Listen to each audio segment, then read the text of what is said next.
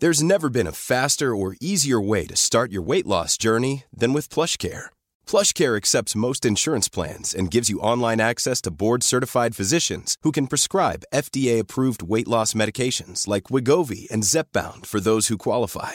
Take charge of your health and speak with a board-certified physician about a weight loss plan that's right for you. Get started today at plushcare.com slash weight loss. That's plushcare.com slash weight loss. plushcare.com slash weight loss. Okay, what's the number one reason you should try Instacart? Shopping over 1.5 million unique products from over 1,000 retailers and get everything delivered right to your door in as fast as one hour, all in one app. So you can spend more time with the ones who matter most. Visit instacart.com to get free delivery on your first three orders. Offer valid for a limited time. $10 minimum per order. Additional terms apply. Tony Media. Het is oorlog in Europa. Gaan we allemaal dood in een kernoorlog? Nee, ik denk het niet. Gaat deze oorlog de wereld veranderen? Dat weet ik zeker. In samenwerking met Dagblad Trouw probeer ik met deze podcast grip te krijgen op de oorlog. Hier houd ik op de hoogte van de situatie in Oekraïne en Rusland. En dit gebeurde er op dag 106 van de oorlog. Nog steeds hevige gevechten in de stad Severodonetsk. Volgens een rapport van de Institute for the Study of War heeft het Oekraïense leger niet meer het doel om de stad te behouden, maar om de Russen wel een zo hoog mogelijke prijs te laten betalen in uh, de vorm van mensenlevens en materieel. De aanval op Severodonetsk belooft niet veel goeds voor het verloop van deze oorlog. De Russen zijn in staat om een oorlog te voeren met hevige bombardementen van de artillerie, om zo man-tot-man gevechten zoveel mogelijk te voorkomen. Uh, die man-tot-man gevechten die, uh, uh, zijn veel lastiger voor Russen en dat zorgt ook voor een slechte moraal bij het leger. In berichten van het front hoor je van Oekraïnse soldaten dat de bombardementen constant zijn zonder pauzes. Oekraïnse soldaten die roleren elke 72 uur omdat langer eigenlijk aan het front niet uit te houden is. Er zijn beelden uit de lucht van velden met honderden mortierinslagen die doen denken aan beelden uit de Eerste Wereldoorlog. Westerse wapens worden steeds meer gebruikt, maar Russen beschikken over simpelweg te veel artillerie. Volgens de Britse krant Independent hebben zij twintig keer zoveel artillerie-eenheden als de Oekraïners. Het tegenoffensief van de Oekraïners in het zuiden van het land, in de regio Gerson, loopt ook wat stroef momenteel. Wel hebben ze de stad Davidis-Brit nog steeds in handen. Intussen in Wit-Rusland gebeuren er militaire manoeuvres die doen denken aan wat Rusland deed aan het begin van deze invasie. De leider van Wit-Rusland is Alexander Lukashenko, die zo'n beetje als enige volledig achter deze oorlog staat. En Russische soldaten vanuit Wit-Rusland op liet rukken naar Kiev. Nu lijkt het erop dat misschien ook Wit-Russische soldaten gaan vechten in Oekraïne. Er zijn in ieder geval een aantal eenheden verplaatst naar de grens met Oekraïne voor oefeningen. Wat het ook nog betekenen. Ook wordt er geoefend met de mobilisatie van het land. En er worden ook volksmilities opgericht die orde moeten bewaken als er een oorlog uit mocht breken. Het kan zijn dat Poetin hierom heeft gevraagd. Hij heeft een steeds groter tekort aan soldaten die willen vechten. En Lukashenko staat bij Poetin diep in het krijt, omdat Poetin hem heeft geholpen in de zomer van 2020. Toen Lukashenko bijna werd verdreven bij een opstand. Maar met het sturen van soldaten riskeert hij ook weer een opstand. Want de meeste Wit-Russen zijn tegen de oorlog in Oekraïne. Sommigen saboteren ook de spoorlijnen om de hulp aan Rusland te ondermijnen. Dat kan je terugluisteren trouwens op dag 42. Verder nieuws uit de Volksrepubliek Donetsk. Een gebied dat zich in 2014 van Oekraïne heeft afgesplitst met steun van Rusland. Denis Pushilin, het hoofd van deze Volksrepubliek, die zei dat hij zijn regering heeft ontslagen. En de nieuwe mensen in de regering zijn allemaal officials afkomstig uit Rusland. In het persbericht gaf hij als reden om het integratieproces met Rusland te versterken. Met andere woorden, Rusland gaat binnenkort dit gebied annexeren. Als het in handen houden natuurlijk, want deze oorlog is nog volop in beweging. Gaan we door naar de Russische media. Bizar moment op de Russische televisie tijdens een live uitzending in Irkutsk in Siberië. Um, was er een aardbeving van 5,6 op de schaal van Richter. Dus nou, die was echt wel voelbaar. In het fragment zie je ook dat de glazen met water van de gasten zichtbaar beginnen te schudden. Maar de drie gasten in de studio die doen alsof er niks aan de hand is. Alsof er eigenlijk gewoon geen aardbeving is. Ik denk dat ze alle drie dachten, misschien gaat dit wel in tegen de lijn van de Kremlin. In tegenstelling tot wat veel mensen denken, is de meeste censuur in Rusland uh, van de Russische media uh, zelfcensuur. Dat mensen zelf denken, laat ik het hier voor de zekerheid niet over hebben. Er zit niet een mannetje in het Kremlin die bepaalt wat er gezegd wordt. Dat is ook niet nodig met allemaal opportunistische mensen die zich journalist noemen en bang zijn om een uh, dik betaalde baan kwijt te raken. Maar in dit geval was het een natuurverschijnsel dat je ja, vrij moeilijk kan ontkennen. En dat maakt het fragment ook zo bizar. In Mariupol leek het de Russische bezetters een goed idee om een concert te organiseren voor het theater van Mariupol. In het theater kon niet, want op 16 maart bombardeerde de Russen het theater, die op dat moment werd gebruikt als schuilkelder. Er kwamen ongeveer 600 mensen om het leven.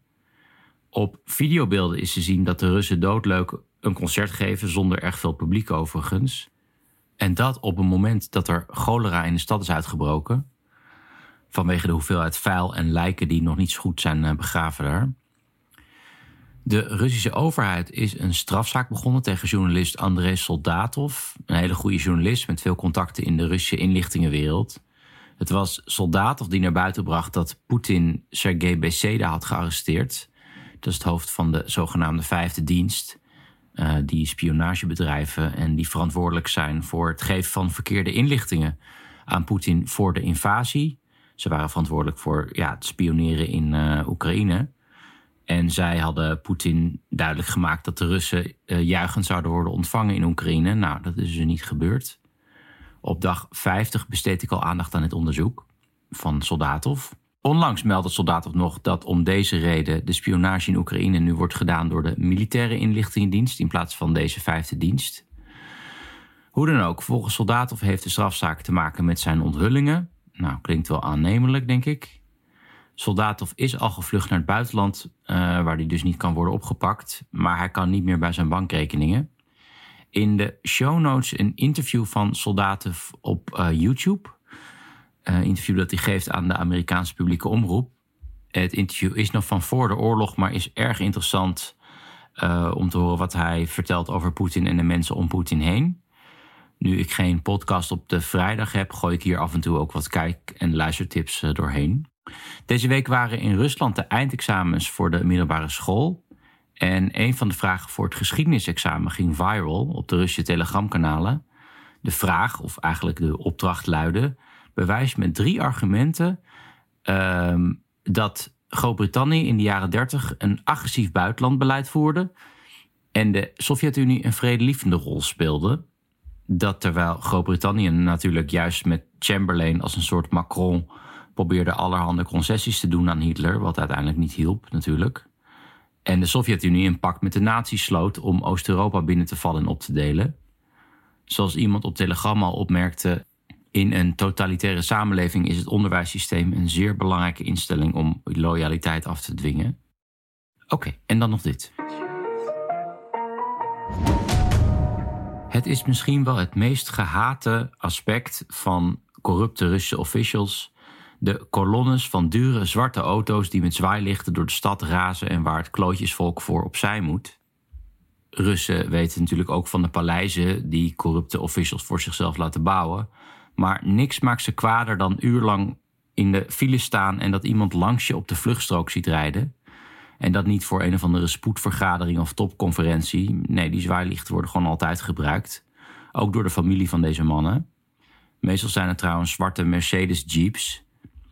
Ik zat een keer in een restaurant in de Caucasus en toen kwam er een stoet van deze Jeeps met zwaailichten aangereden.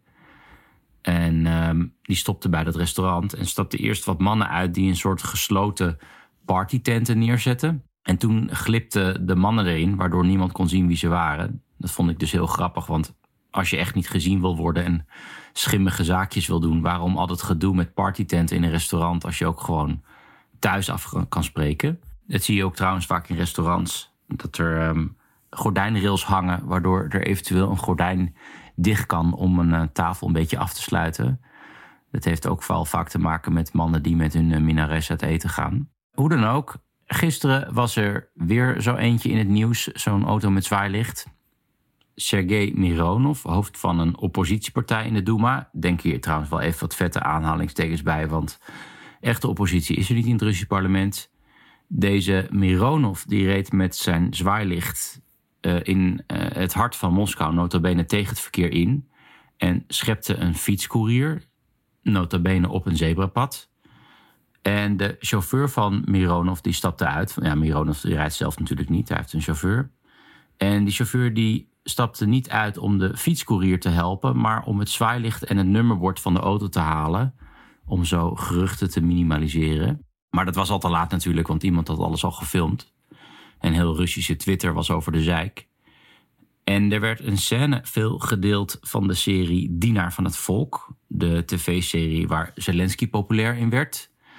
Want ja, voorafgaand aan uh, zijn carrière als president was hij natuurlijk acteur. En in die serie is hij een geschiedenisleraar die ineens president van Oekraïne wordt.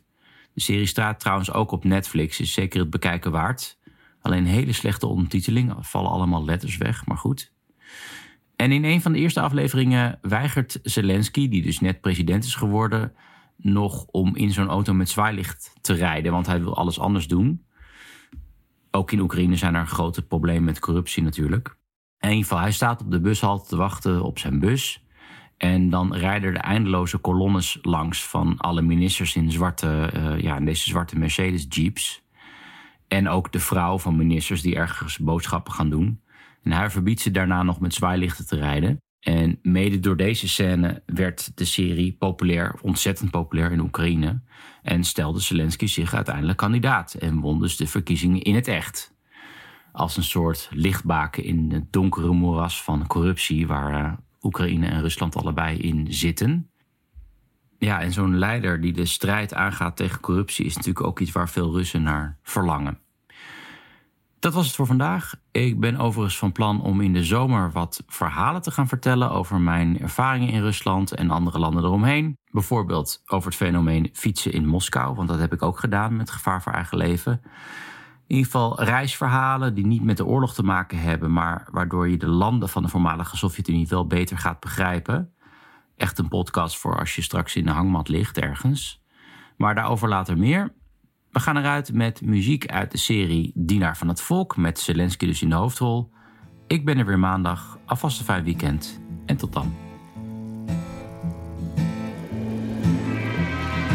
Я люблю свою страну, люблю свою жену, люблю свою собаку. Я всего на свете член, почти что супермен, но редко лезу в драку. Dit was een productie van Tony Media en Dagblad Trouw. Voor meer verdieping ga naar trouw.nl. Planning for your next trip? Elevate your travel style with Quince. Quince has all the jet-setting essentials you'll want for your next getaway, like European linen, premium luggage options, buttery soft Italian leather bags, and so much more. And is all priced at 50 to 80% less than similar brands. Plus, Quince only works with factories that use safe and ethical manufacturing practices. Pack your bags with high-quality essentials you'll be wearing for vacations to come with Quince. Go to quince.com/pack for free shipping and 365-day returns.